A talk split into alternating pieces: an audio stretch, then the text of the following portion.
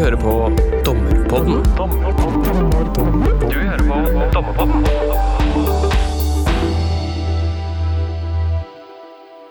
I amerikansk konkursrett er det noe som kalles chapter 11.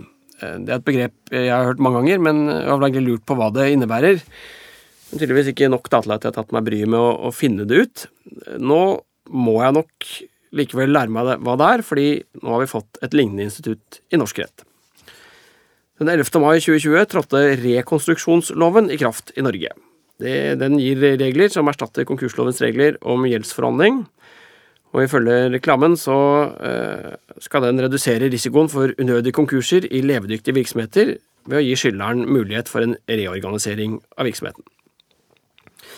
Det er en midlertidig lov som er vedtatt eh, som en direkte konsekvens av koronaepidemien, men eh, jeg har sett i forarbeidene at eh, målet er å få på plass mer permanente regler som bygger på, på reglene i den midlertidige loven.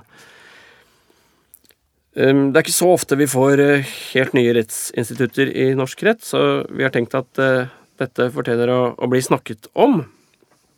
Um, Så er det sånn at jeg er dommer i Oslo tingrett, som jo er den eneste domstolen i Norge som ikke behandler konkurser, så, så jeg er vel kanskje spesielt dårlig egna til å lære noen om disse regelsettene.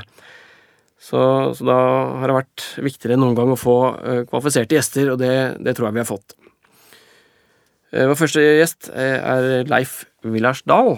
Han er dommer i Oslo byfogdembetet og har dessuten omfattende erfaring som advokat og bostyrer. Og av den grunn så regner jeg med at han kan litt om konkursrett, men i tillegg så har han egenhendig skrevet utredningen som danner grunnlag for den nye, nye loven. Velkommen hit, Leif. Takk. Hvordan, eh, hvordan er livet hos byfogden om dagen? Dere er jo like ved oss, men eh, vi ser ikke så mye til det. Vi har bortimot eh, normal drift, men veksler jo mellom hjemmekontor og være på tinghuset. For konkurser så er det litt færre saker nå, paradoksalt ja, nok, fordi skatteetaten midlertidig har stanset innsending av konkursbegjæringer. Nettopp. Det kan kanskje forandre seg. Det vil helt sikkert forandre seg, og vi forventer jo at det i juni, og ikke minst til høsten, kommer en stor mengde med konkursbegjæringer. Du, du har skrevet, som jeg, som jeg nevnte, utredningen som denne loven bygger på, men, men det gjorde du Eller den kom i 2016, så vidt jeg har fått med meg. Em, hva er det som egentlig gjør at eh, det ikke ble noe av loven den gang, men, men eh, nå er det kommet en lov? Det er vel i høy grad at det tar tid å få gjennom revisjon av sivile lover i Justisdepartementet. Og dette er et fagfelt som inntil koronasituasjonen har hatt veldig liten politisk oppmerksomhet, og derved ikke har vært prioritert.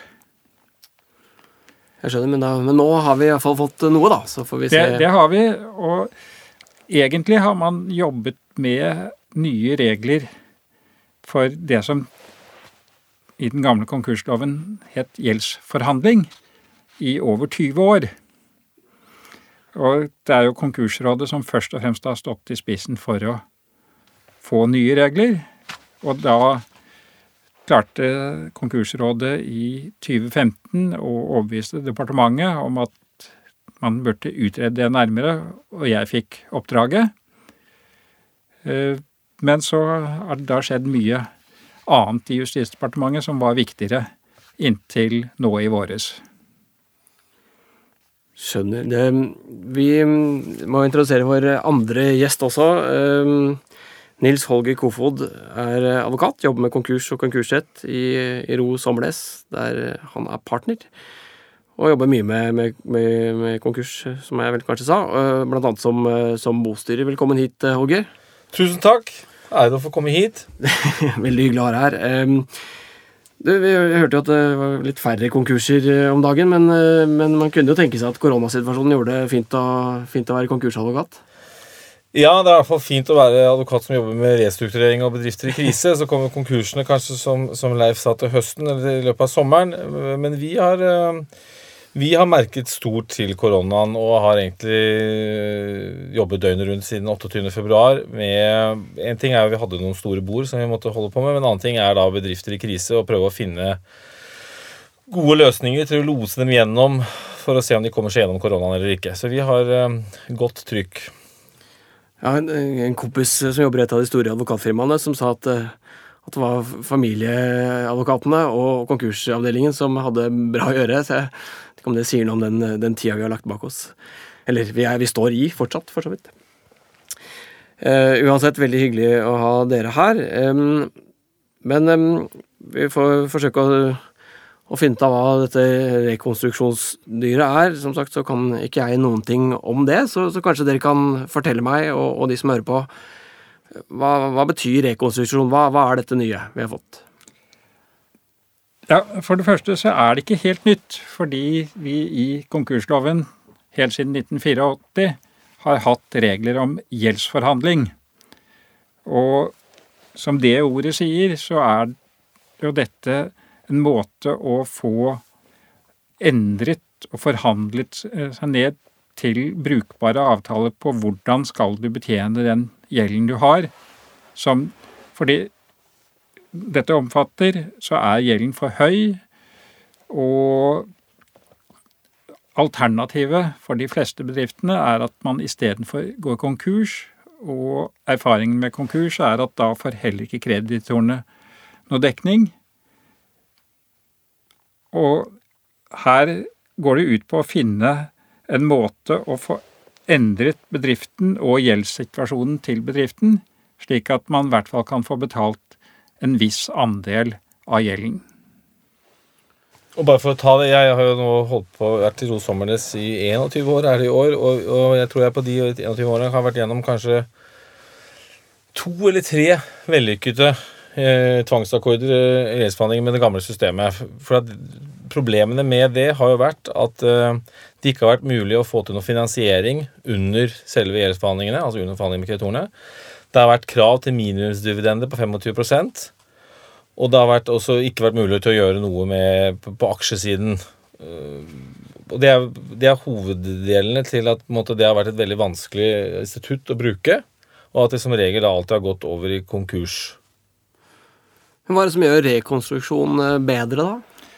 Eh, et av de viktigste grepene man nå gjør, det er at man kan starte tidligere. For den gamle ordningen så var det en forutsetning at bedriften var det vi jurister kaller illikvid.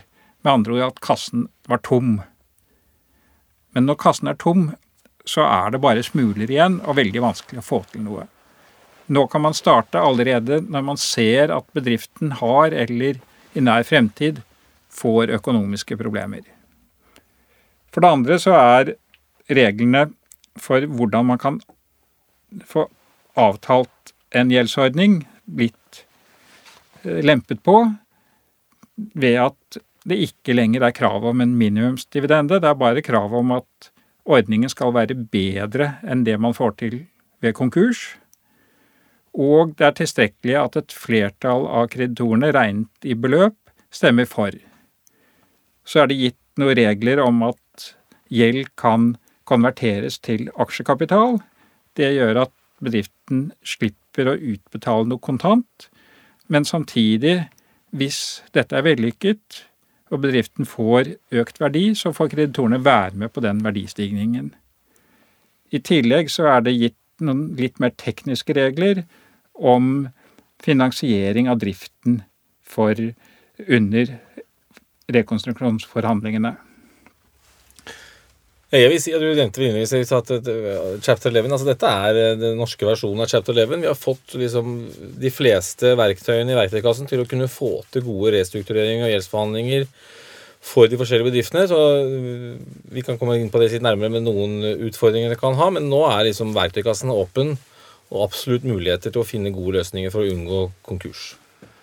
Men altså er overskriften altså, Settes denne bedriften under administrasjon? Altså er det, er det, sånn at det er noen andre som tar over butikken i en periode? Eller hvordan er det, hvis du prøver å si det på, på så enkelt som mulig, hva, hva, er det, hva, er det, som skjer når, når eh, det åpnes rekonstruksjonsforhandlinger, som er skjønt?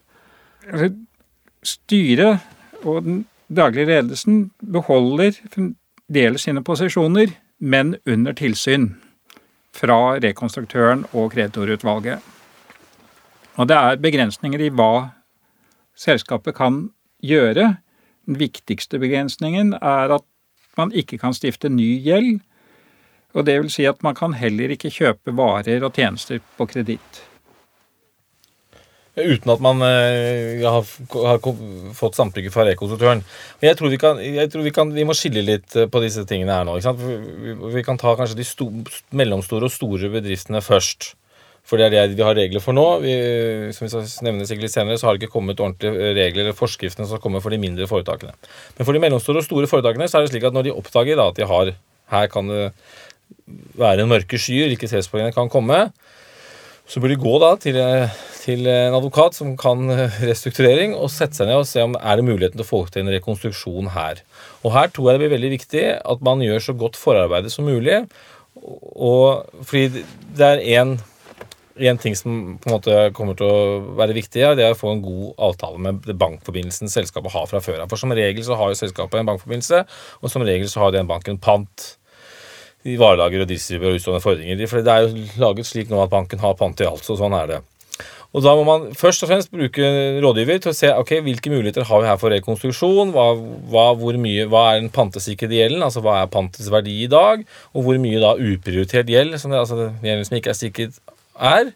Og nå er det også kommet en forsker som sier at både moms og skatt også er uprioritert. Så det er en øh, fantastisk øh, forandring for selskapene som ikke har vært der før. Slik at du kan regne med den gjelden også. Så må det lages en plan både for hvor lang tid rekonstruksjonsperioden skal ta, og så at man får en finansiering i den perioden der. Og da er det, som, vi skal komme, som vi skal gjennom, så er det slik at her er det muligheten for å ta en superprotestpant under rekonstruksjonen. Men som vi ser på erfaringer fra andre land som har den type eh, system, er jo at det er den eksisterende banken som stort sett har denne finansieringen for å slippe å få noen diskusjon rundt superprioritetspante og andre pante. Slik at med andre ord, man lager planen, setter seg ned med banken og får en slags samtykke, aksept, for at dette her er en løsning de kan gå med på. Og da må man verdsette hva de har pant i, og som regel vil de da få et uprioritert krav som ikke er sikret. Og så må de da på forhånd allerede der ta stilling til om de ønsker å akseptere da den forslaget til dividende som man kommer frem til. Og da har man kommet ganske langt, for at den delen av gjelden banken som regel har da, kan være ganske betydelig i forhold til den prosentandelen du må ha for å si ja, for det er jo kun 50 av gjelden i beløp som må si ja til dette. Så den planen her er lagt, man har hatt den gode rådgiveren, og man er klar. Så leverer man begjæringen til retten, og da kan Leif få kommentere hva er det dommeren tar stilling til når den kommer på bordet der fra debitor eller selskapet. Ja, bare før du går dit, Leif. Eh, dette er mulig nok et dumt spørsmål, men, men hva er målet her? Hva er, hva er det man skal prøve å få til på andre sida? Altså, hva, hva, hva, er håpet? Målet er at du skal få en bedrift som igjen tjener penger, eh, og hvor gjeldssituasjonen ikke er verre enn at bedriften kan eh, betjene den gjelden man sitter igjen med. Og det er jo fordi alternativet for de aller fleste, det er at man går konkurs, og da blir det bare smuler igjen til alle. Det vi alltid har sagt, da før eh, jo, Jeg jobber i Ros Sommernes. Det er Knut Ros som har sitt formann i Konkursrådet, så han har vært en forkjemper for denne rekonstruksjonsloven så lenge han har holdt på med dette her. Og er veldig fornøyd om at det har kommet ut. Men før denne loven her kom ut, så sa vi at konkurs er den beste restrukturering. Da blir du kvitt all gjelda, og så kan du eventuelt kjøpe opp og starte på nytt igjen, og så er all gjeld borte. Men det er jo samfunnsmessig ikke det beste, for da taper jo alle kreditorene alt. Alle arbeidsplasser er borte, og den som starter opp, kan velge på nytt. Her har vi fått et instrument som gjør at man kan redde flest mulig arbeidsplasser. Og man kan også sørge for at det blir noe dekning til kreditorene, enten i aksjer eller i at vi får en dividende på 10-15-20-30% alt etter hvordan dette her ser ut. Og det er mye bedre enn konkurs, alle taper alt, starte på nytt igjen. Nettopp. Da tror jeg dere har med selv en, en dommer fra Oslo tingrett. Eh, og Leif, da kan du kanskje Eh, si litt om det med, med, med, hva skjer når en sånn begjæring kommer inn, og, og hva er det som skal til for å, for å få en sånn rekonstruksjon? Eh, eh, dommeren må jo ta stilling til for det første at formaliteten er i orden. Men det viktigste er å ta stilling til er det en rimelig mulighet for at skyldneren kan få til en avtale med kreditorene. Og der er det jo flere faktorer. For det første så må skyldneren selv ha en forståelse for de økonomiske problemene man er i. Og så må det også ha vært en dialog med nøkkelkreditorene. For uten å ha med nøkkelkreditorene, så får man ikke til en løsning. Og banken er viktig. Så bør man Det er greit nok å skylde penger til skatteetaten, men man må ha orden på å ha innsendt oppgaver og ha ajourførte regnskaper. For uten at det er på plass, så har man ikke noe grunnlag for å starte forhandlingene med kreditorene. Helt enig. Veldig viktig. Så hvis man har gjort det, men hvis man har gjort det fotarbeidet da, som Holger beskrev, altså hvor man da i begjæringen beskriver at man har kontaktet banken og, og, og banken er positiv, så, så, vil det være ganske sånn flying start da, for en sånn begjæring. Ja. Da har man gjort hoveddelen. Så må det også én ting til inn, og det er at man må øh, sørge for at det er penger for å drive disse forhandlingene. Og rekonstruksjon Eh, for de virksomhetene som er omfattet av nye loven, det er relativt dyrt. Fordi det er kompliserte forhandlinger, vanskelige forhold som skal vurderes, samtidig som man driver bedriften videre. Og vi har sagt da at i normaltilfellet så må det eh, enten innbetales kontant eller stilles sikkerhet for 300 000 kroner. Eh, og så skal det lages egne regler for mindre virksomheter. Eh, og, hvor man må få et system som er mye rimeligere enn dette. Men disse reglene passer for de mellomstore og større virksomhetene. Og det er jeg enig i, jeg tror det er veldig viktig som Leif sier her, at det er viktig at man passer på, og det, og det her må man vanlige, vanligvis så er man jo opptatt av budsjetter og regnskap, eh, men det som kommer til å være veldig viktig i sånn rekonstruksjonsperioden, er jo likviditet. Og det er likviditetsbudsjettet som er viktig, og det er det som på en måte være det førende for om dette er mulig å få til. Så jeg tror også det er lurt at man altså hvis, vi da, hvis vårt kontor skulle være engasjert og se om det er mulig å få til rekonstruksjon for å lage en begjæring, så ville vi engasjert eh, en som typisk driver med borevisjon, som på en måte tenker sånn som en en rekonstruktør og sånn vil tenke, slik at vi får et riktig likviditetsstopp opp med en gang. og Det kan være med på å kvalitetssikre overfor rekonstruktøren. Og jeg tenker også at Man må budsjettere med at den advokaten som man har som rådgiver der, er med, følge, er med gjennom hele prosessen. og Så avstemmer man med rekonstruktøren så ofte rekonstruktøren vil, slik at han skjønner at dette er innenfor det systemet vi har av regler. Og så må man budsjettere gjennom alle disse forhandlingene som jeg var inne på med, i forhold til kreditorene. Det skal være kreditormøter Kanskje man skal få, allerede i begjæringen ha en plan med foreslå for dommeren når man skal ha første møte med alle kreditorene. Kanskje man skal i begynnelsen gjøre dette ganske formelt med å ha det som en slags skiftesamling som legger opp til, for jeg tror det er skjerpende for alle kreditorer til å være med på. Og nå når vi har lært oss Teams alle sammen, eh, så er det kanskje mulig å avvikle uten at det eh, er så vanskelig. Ja, og jeg tror eh, Dette er jo en type saker hvor tid er en nøkkelfaktor. Og da må vi også lære oss til å kommunisere på en måte hvor tingene går raskt. Eh, og at møter kan holdes som elektroniske møter. Bare, bare vi har med oss, eh, oss, alle her. altså Rekonstruktøren er et ord vi bruker mange ganger nå. Det, eh, det er, forstått, det er liksom bostyreren i, denne, i dette nye regelsettet. Ja. Og det er ikke noen fra domstolen, det er en, en advokat, gjerne. Det er en privatpraktiserende advokat som skal ha erfaring med konkurs- og insolvensbehandling.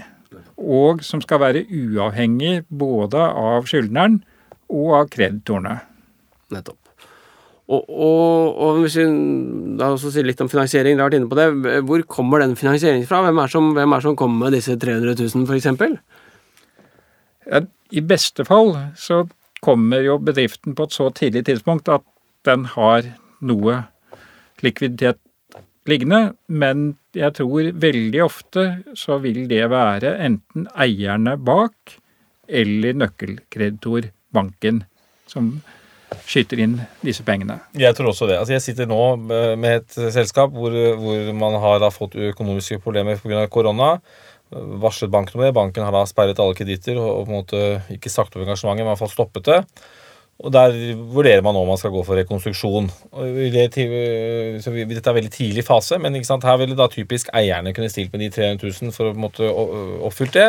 Men det er ikke noe poeng å gjøre dette før vi liksom har med oss banken på at de kan ok, vi skal finansiere det gjennom å rulle på panten, og vi skal, det vi skal gå med på dividende.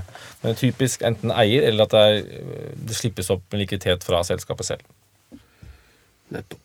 Um, men hva hva skal til for å få rekonstruksjon? Altså, du må ha med deg kreditoren, skjønner jeg, men er det noe, er det noe vilkår for, eh, for, hvor dårlig stilt eller godt stilt det kan være før man, før man kan sende en sånn begjæring?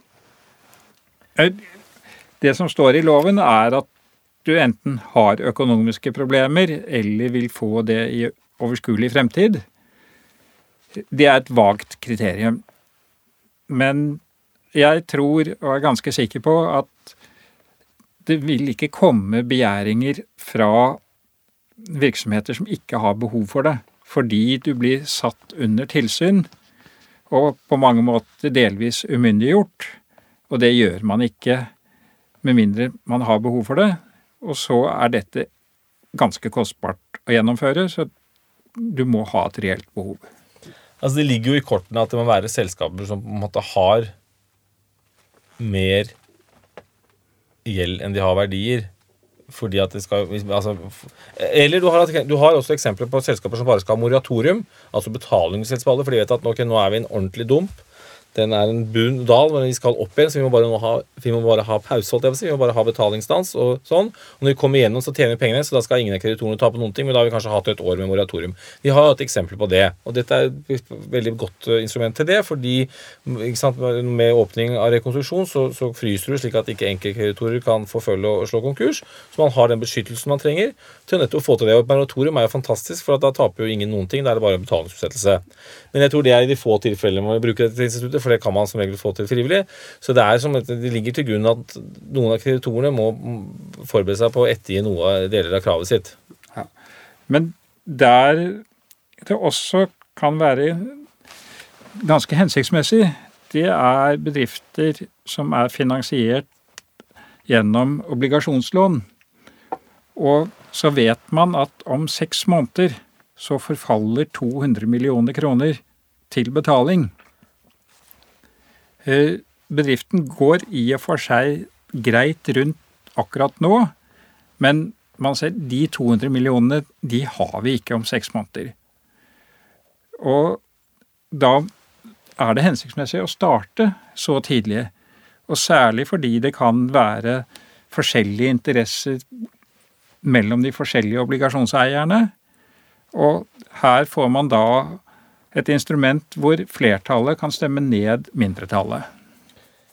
Typisk eksempel som kunne vært redde på det, er Norske Skog. Det har jeg bare lest om på en måte fra utsiden. Jeg har ikke hatt noen eh, roller i forbindelse med konkursåpning der. Men det, der var jo, det var jo et konsern hvor mye av obligasjonsgjelden lå i forskjellige selskaper på toppen, altså i holding og holdingstrukturer, mens driften lå nede i driftsselskaper som var uavhengig av obligasjonsgjelden.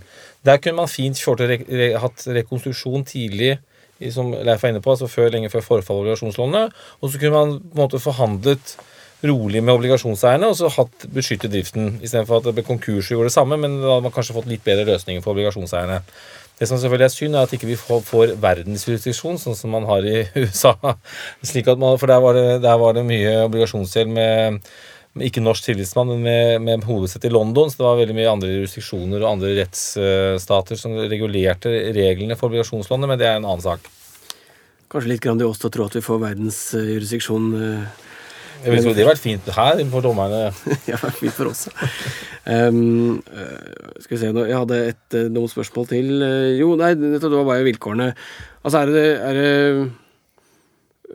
det Kan man tenke seg bedrifter eller skyldnere hvor det er så dårlig stilt at det er uaktuelt å, å gjøre dette?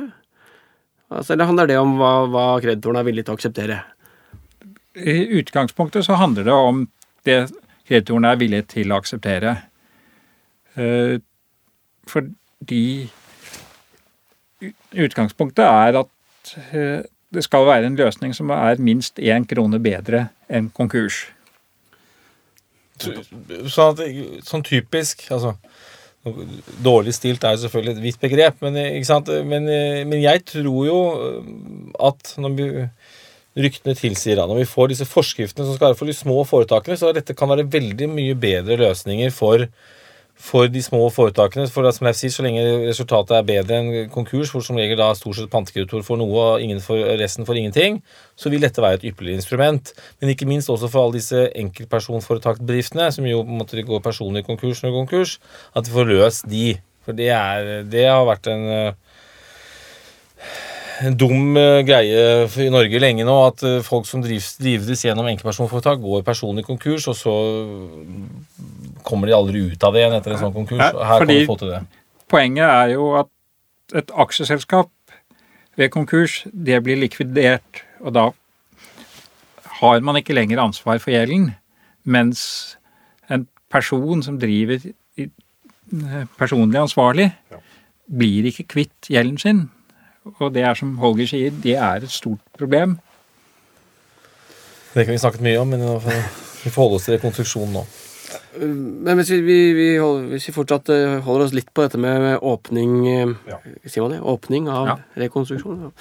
Um, så Jeg har forberedt meg litt, så jeg har skjønt at uh, noe nytt her er at det er ikke bare skyldneren som kan, kan begjære åpning, uh, men også kreditorer.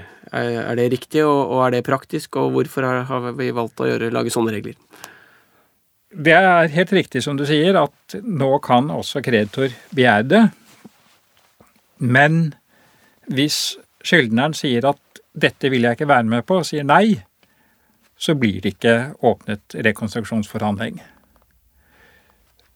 Årsaken til at man vil ha det, er at ofte så har kreditorene et litt mer realistisk syn på eh, driften av virksomheten og ser at her går det utfor. Her må det gjøres tiltak. Eh, og man må komme i gang før det er for sent.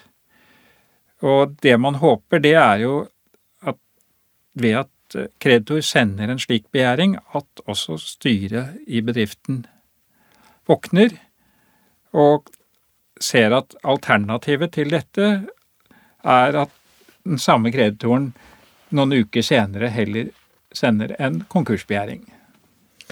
Jeg tenker at dette er veldig, altså Vi har jo mange tilfeller hvor vi bistår bankene med kriseengasjement. Bankene forhåpentligvis oppfatter jo tidlig, litt tidligere enn alle andre at her kan kunden ha problemer, så de måtte begynne, dette kommer, dette kommer over i det vi kaller spesialengasjementavdelingen i bankene, og, og, de er under på en måte observasjon fra dem. og da da har hun tendens til å engasjere oss advokater for å få bistand til hvordan kan vi finne gode løsninger for å løse dette kriseengasjementet vårt. Hva, hva, kan vi gjøre? Og typisk da, når, og særlig i de tilfellene kanskje da hvor, hvor da debutorer, altså selskapet selv, ikke forstår eh, hva som skjer, eller at de ikke, ikke vil innse alvoret, kan en bank bidra til å få til rekonstruksjon. Og det kan jo være til til et gode for, for konkursdebitoren, fordi det vil skape løsninger han slipper konkurs. Men det kan selvfølgelig også, når bankene blir litt varme i trøya og blir komfortable med dette instituttet, bidra til at de kan finne nye eiere, eller de kan konvertere seg inn på eiersiden og selge aksjer. Men det, der har vi ikke kommet ennå, men det kommer vi nok til å se. Um, Leif, eller for så vidt begge, er det, noe, er det noe mer å si om liksom, selve åpningen av disse rekonstruksjonsforhandlingene da, eller noe vi burde innom før vi snakker litt om virkemidler og sånn? Altså, det det jo er, det er at eh, dommerens vurdering av dette er ganske mangefasettert. Så dommeren må sette seg inn og forstå eh, den økonomiske situasjonen til bedriften og dynamikken i dette. Og samtidig så er dommeren da gitt muligheten ikke bare til å lese begjæringen, men å ta kontakt med de nøkkelkreditorer dommeren finner hensiktsmessig, og eventuelle andre eh, personer, institusjoner. Og, ja. Det er bare en sånn praktisk Du får inn en sånn begjæring på bordet ditt. Eh, er det noe rettsmøte, eller er det, sitter du på kontoret ditt, er det skriftlig behandling, og, og tar du da en telefon til banken liksom på, fra kontoret ditt bare, eller hvordan, hvordan foregår det? Eh, normalt så er det ikke rettsmøte. og Jeg sitter på kontoret, og ringer vel først til skyldneren eller skyldnerens advokat som har sendt inn begjæringen, og tar en samtale. Og så øh, ringer man da til banken og andre nøkkelkreditorer for å få et overblikk. Uh, og det hele avhenger jo av hvor god søknaden er. Uh, for en virkelig god søknad så er det jo svar på de fleste spørsmålene man har. Men så er jo virkeligheten slik at i mange begjæringer så er, er ikke alt på plass, og dommeren har spørsmål. Det er to ting som er viktig i denne sammenhengen. Det ene er som Leif er inne på, at han ringer skyldneren, men jeg tror at i hvert fall de tilfellene hvor vi nå skal bistå folk som skal med dette, så vil vi også ringe retten. Og ringe typisk Leif da, eksempel, og så diskuterer man og forteller sånn og sånn jobber vi. Vi skal nå se om vi greier å få inn en begjæring om rekonstruksjon, og vi vil gjerne liksom presentere det for deg. Så når vi sender den inn, så kan vi ringe deg, så kan vi gå gjennom så liksom alt er klart, og du, du ser bildet. Det er den ene tingen. Jeg tror det kanskje da dette vil være grobunn til dialog mellom, mellom skyldner og eventuelt advokaten og, og retten, som jo er bra. Men så vil jeg også si at dette tror jeg også eh, gjør det riktig at, at vi har jeg skal ikke si at vi skal ha spesialdomstoler, men at det har eh, dommere med erfaring som behandler disse rekonstruksjonsbegjæringene. Det tror jeg blir veldig viktig. Så den diskusjonen som har vært med å slå sammen byfogdembetet i Oslo med Oslo tingrett, kanskje nå kan få sin løsning. For jeg, dette er enda viktigere da å bevare byfogdembetet med, med spesialdomstolen for å få til dette på en fornuftig måte. Nå, nå har jeg flere ting jeg må si her, kjenner jeg, men, men hva, hva Jo, vi kan ta, ta det siste først. Altså dette med For det tenker jeg også er verdt å nevne dette med verneting. Altså det er skylderens verneting som er riktig verneting. Um, men så har jeg skjønt, Leif, at uh, det er lagt opp Eller hva skal vi si? Det er en del tingretter som har gitt forhåndssamtykke til å ta disse sakene. Kan du bare si kort Ja. om det? Så i konkurslovens regler om hvor saker skal behandles, så er det en egen regel om at saker kan overføres mellom tingrettene, forutsatt at begge domstoler er enige. Og eh, både fordi dette er saker som krever litt særlig økonomi og bedriftsforståelse, og fordi dette er hastesaker, de skal jo avgjøres fortrinnsvis innen tre dager, så har eh, de fem store tingrettene, Oslo, Stavanger, Bergen, Trondheim og Tromsø, sagt at de er villige til å motta eh, begjæringer fra de andre tingrettene i sitt distrikt. Og det går ut fra, ut fra en tanke altså, Litt sånn i tråd med det Holger snakker om, at, det- at det i noen av disse sakene er nyttig med, med kanskje litt sånn masse At man har litt trening med dette. Ja, altså Det er litt som eh, De fleste vil jo helst bli operert av en kirurg som har gjort dette inngrepet tidligere. Og eh, her så skaper jo det å ha behandlet flere slike saker tidligere, det skaper en erfaring og en evne til å kunne avgjøre dette, og ikke minst gjøre det raskt. Og, og det er jo også fordi i en liten tingrett så kan eh, dommerne, alle dommerne, være opptatt i en langvarig straffesak, sivilsak, og derved ikke få tid til å behandle den. Og dette er, ja, Basert på erfaring så, så er dette helt riktig. og Jeg tror dette er veldig viktig. fordi Hvis vi skal få dynamikken i dette, her, så, så er det som Leif sier, dette haster jo når det først er besluttet. Og da måtte vente på mm, ting som ikke har noe med den saken å gjøre, det er, det er ikke bra. Jeg synes det var en sånn artig, artig løsning. Jeg har ikke sett det, sett det før med sånn forhåndssamtykke, men det var en god idé. Det andre som jeg skulle spørre om, var når det gjaldt liksom, hva, hva, hva dommeren gjør, eh, og hva skyldneren gjør i forkant og sånn, i forbindelse med en sånn begjæring. Så det hørtes litt sånn uformelt ut. altså Man tar en telefon og prater litt, og så, så ringer dommeren til en av kreditorene. Altså, jeg er vant til fra, fra min hverdag at det er veldig sånn jeg, jeg tenker meg litt om før jeg ringer én part ikke sant, og snakker med vedkommende på telefon. eh, Av frykt for å, for å komme i, på kant med kontradiksjonsprinsippet og sånn. Men, men eh, er det sånn at det, det er litt, er litt mer uformelt? Eh, Det er det også fordi dette er jo ikke en topartskonflikt. Her er det en skyldner med et behov, og så har du et stort spekter av kreditorer på den andre siden. Og hvor eh, regelverkets hensikt er å finne løsninger som er til gode for begge parter. Og det er ikke så veldig forskjellig fra det man har ved oppbud i konkurs, i hvert fall større selskaper, så er det ikke uvanlig at selskapsadvokat tar en uformell kontakt med domstolen på forhånd. Ikke minst for å forsikre seg om at begjæringen da raskt blir behandlet, men også for at retten kan se hvilke bostyrere er aktuelle her, hvem er inhabile fordi de representerer andre interesser, etc. Og dette er noe som er kreditorene, altså spesielt bankene, men leasingselskapene er veldig opptatt av i sånne prosesser. Nettopp. Um, vi tenkte kanskje, bare for å se om vi har fått med oss uh, bare, Dere har nevnt noen virkemidler um, i en rekonstruksjon. Dere har nevnt uh, i hvert fall betalingsutsettelse, eller moratorium, kalte dere det kanskje. Uh, og en reduksjon av gjelden, altså en, en, en tvangsakkord, tror jeg er riktig ord. um, du kan gjøre det frivillig også. Ja. Hmm? Du kan gjøre det frivillig også. Det er, frivillig, ja. det er lagt opp til frivillig løp, og da kan du jo ha alle typer løsninger, for da må du ha enighet blant alle. Men uh, hvis ikke du får til det, så er det tvangsakkord, som du sier. Mm, ja, nettopp. Ja. Jeg skjønner. Um, og så snakker dere om uh, aksjeløsning, altså overdragelse av Altså, Hovedgrepet er jo å få ned gjelden. Eh, og det kan enten gjøres ved at gjelden nedskrives, og så utbetales det et kontantbeløp kalt dividende. Eller så kan det gjøres ved at eh, kreditor til erstatning for kravet får en aksjepost i bedriften. Det er jo slik det er gjort i Norwegian nå. Det er jo, vært, det er jo ganske aktuelt. Der, der hadde man jo forhandlet med alle leasingselskapene, flyene, og også andre uprioriterte kreditorer, og da har de fått valget mellom de om de vil da konvertere noe av det utstående leasingen til aksjer, som nå er gjennomført uh, i dag, var det eh, annonsert.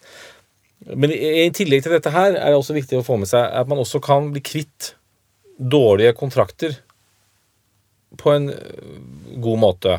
Man har jo dekningsplanen 7-6 som gjør at man kan velge hvilke kontrakter man skal tre inn i og tre ut av. Og f.eks. da leasingavtaler som er fordyrende, eller husleiekontrakter som er fordyrende, kan man da tre ut av gjennom eh, denne rekonstruksjonen. Og så vil jo da Der kan man side opp på sedvanlig grunn. og med, med da vanlig oppsigelsesfrist. Og det er da for husleiekontrakter f.eks. tre måneder.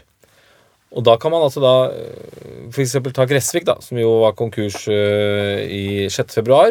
Og det, en av de store utfordringene for Gressvik var jo lange og fordyrende leiekontrakter. Men der gikk jo det konkurs, og så hadde man jo på en måte en slags uh, forhandling med, med gårdeierne da man fikk bud på boene. Men hvis man hadde gjort dette som en rekonstruksjon, så kunne man jo måtte plukke ut de kontraktene som var gode, beholdt de, og så kunne man tatt de kontraktene som ikke var gode, og sagt de opp. Og så kunne man da enten så kunne da gårdeieren komme tilbake og sagt ok, vi vil ha en sånn kontrakt, så kan det være greit. Eller så vil man da beregne hvor stort krav uprioritert krav de vil få som en følge av at de da har tomme lokaler, og at, eh, og at de da ikke får leid ut igjen. For det er det som kommer til å bli bøygen i, i rekonstruksjon. Det er å beregne slike betingede krav. For det blir jo et betinget krav fra en gårdeier på hvis han har en tiårskontrakt, så skal vi ha en melde inn hele bruttobeløpet som er betinget krav, og så vil han tikke etter hvert hvis han får leid ut. Her kan vi få en litt sånn utfordring med tidshorisonten, for at vi, vi, ønsker å få raske løsninger. Så her må man enten da bli enige om at ok, kravet ditt blir sånn for at du får risikoen at du får leid ut derfra, eller så blir det en slags betinget løsning hvor man får avklart hvorvidt eh, kravet blir noe eller ikke. Og det samme blir på leasing. Men det tror jeg også er viktig å få frem, at man kan bli kvitt dårlige kontrakter gjennom en rekonstruksjon. Nettopp. Um, takk for det. Da um, har jeg jo noen flere spørsmål, skal vi se. Jo, altså, når man øh, åpner rekonstruksjonsforhandlinger, er det noen sånn umiddelbare rettsvirkninger av det? Hva, hva, hva, betyr det? Den gode umiddelbare effekten det får for skyldneren, er at da kan man ikke bli begjært konkurs. Og kreditorene kan heller ikke iverksette tvangsinndrivelse. Eh, Altså en panthaver kan ikke tvangsselge pantet. Så du, du blir vernet og får jobbe i fred i da inntil seks måneder, som er gjeldsforhandlingsperioden. Og andre sida av mynten Nei, ulempen er jo at du blir satt under tilsyn fra rekonstruktøren, og dette er jo forhandlinger som skal resultere i noe. Og får du ikke til en løsning etter seks måneder, så er hovedregelen at det blir åpent konkurs. Men da kan du da alliere deg. altså Hvis, hvis du har kontroll på kreditormassen, så vet du at eh, altså, minimums øh, Minimumskravet til stemme for forslaget er jo 50 Og det samme er jo da hvis man, hvis man for har forsøkt en rekondisjon, rekonstruksjon, og så har man av uante grunner funnet at nei, det får jeg ikke til likevel, så kan man også få den tilbake igjen hvis du får aksept for 50 av kroner i beløpet også. Så det er, Ja. må ikke gå i konkurs, men mest Ja. sannsynlig blir det det. Og en liten ting som er endret i de nye reglene i forhold til de gamle, er at hvis skyldneren kan dokumentere å være solvent, så eh, blir det ikke åpnet konkurs. eh, Selv om eh, forhandlingene er mislykket. Nettopp. Um, Ålreit. Um, skal vi se. Men uh, ja, så åpnes disse forhandlingene. Da oppnevnes en rekonstruktør og et kreditorutvalg, så vidt jeg forstår. Kan kanskje du si litt om, om, om rekonstruktørs Rekonstrukt... Det vanskelig ord. Rekonstruktørens Altså, hva, hva gjør rekonstruktøren når han blir oppnevnt? Jo, jeg vil tenke eh, altså Vi forutsetter nå at rekonstruktøren kommer da uh, ny og kanskje har blitt noe eh, satt inn i det, men ikke mye. Så han må sette seg da inn i begjæringen på samme måte som da retten har måttet gjøre. eller har gjort da, men han har fått begjæringen, og så skjønne virkelig begjæringen og skjønne hva ideen og planen er. Og først og fremst kvalitetssikre virkelig at det likviditetsbudsjettet som er satt opp, og den måten å finansiere det på, er riktig. For da skal man jo på en måte gi et slags samtykke til den måten å finansiere driften på under rekonstruksjon. Så det tror jeg blir det første. Å på en måte kvalitetssikre den begjæringen og den planen man har.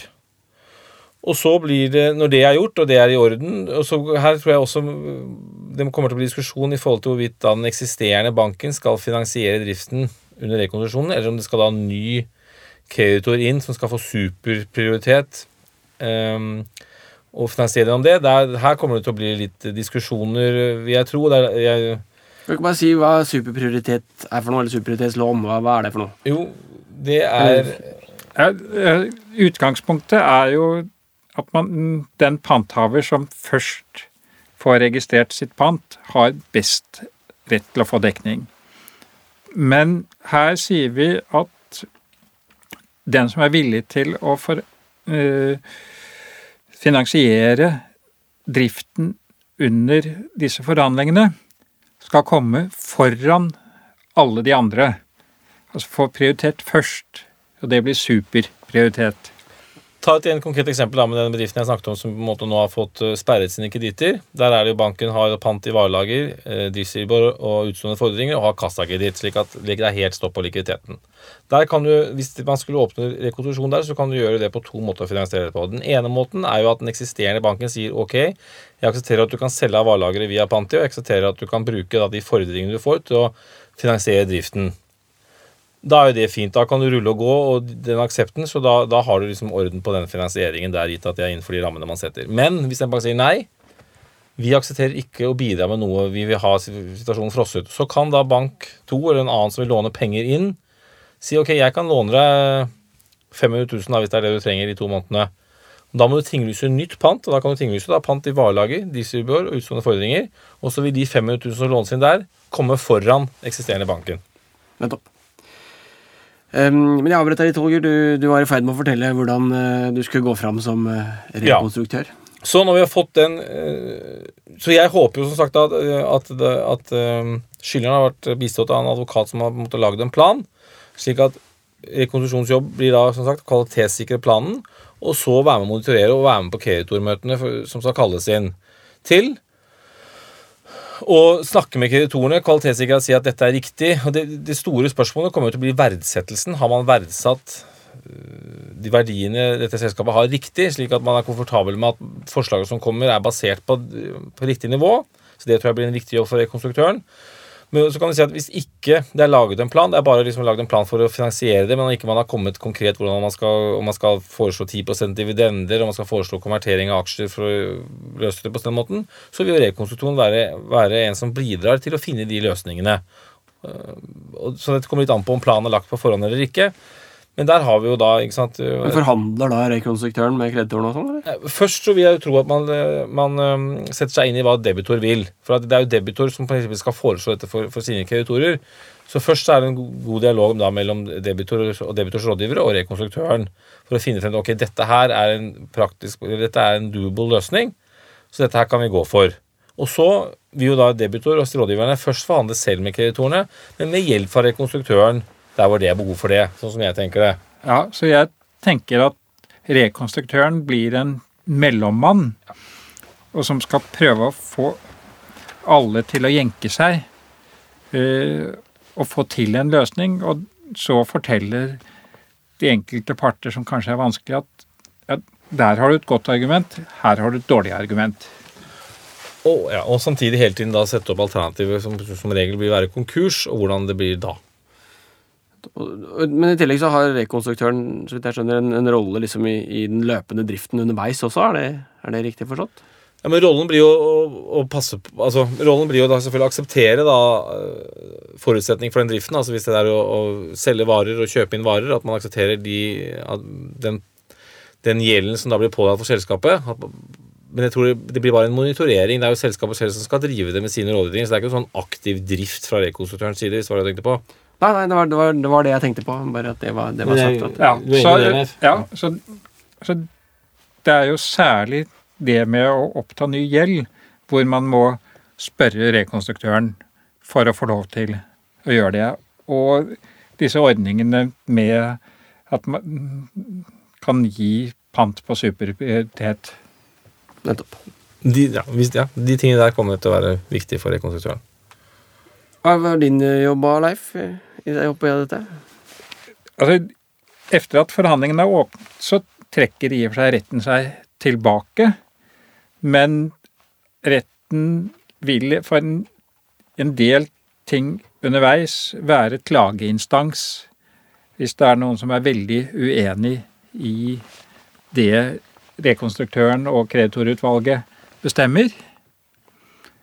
Eh, Men så er det å avvente eh, en løsning, og blir det en frivillig rekonstruksjon, så er jo alt greit, for da er alle enige. Eh, Men det vanlige vil- nok være en tvangsakkord, hvor da mer enn halvparten av kreditorene har stemt for en løsning.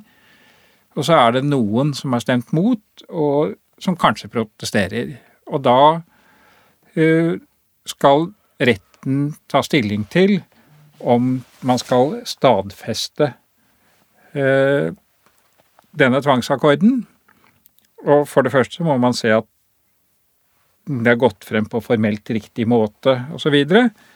Men i tillegg så kan retten også si nei til en, en tvangsakkord som er vedtatt av flertallet, hvis retten mener at avtalen er støtende. Og, og det kan jo typisk være at et flertall har tråkket over et mindretall på en måte som man ikke finner akseptabel. Det kan også være at kanskje skyldneren har begått straffbare forhold som er såpass alvorlige at man mener denne skyldneren fortjener ikke å få en rekonstruksjon og nedsettelse av gjelden. I Danmark, hvor man har hatt lignende regler eh, i noen år, så har man hatt tilfeller hvor eh, det er, er privatpersoner, gjerne eier av bedrift, som har eh, kausjonert for eh, et selskapsgjeld, og så skylder man banken 5-10 millioner kroner. Og så har man en del andre småkreditorer som man har helt privat, og som da Det dreier seg om 1-2 millioner. Og så stemmer banken alle disse småkreditorene ned. Eh, Og det kan være erstatningsoppgjør osv. Skilsmisseoppgjør.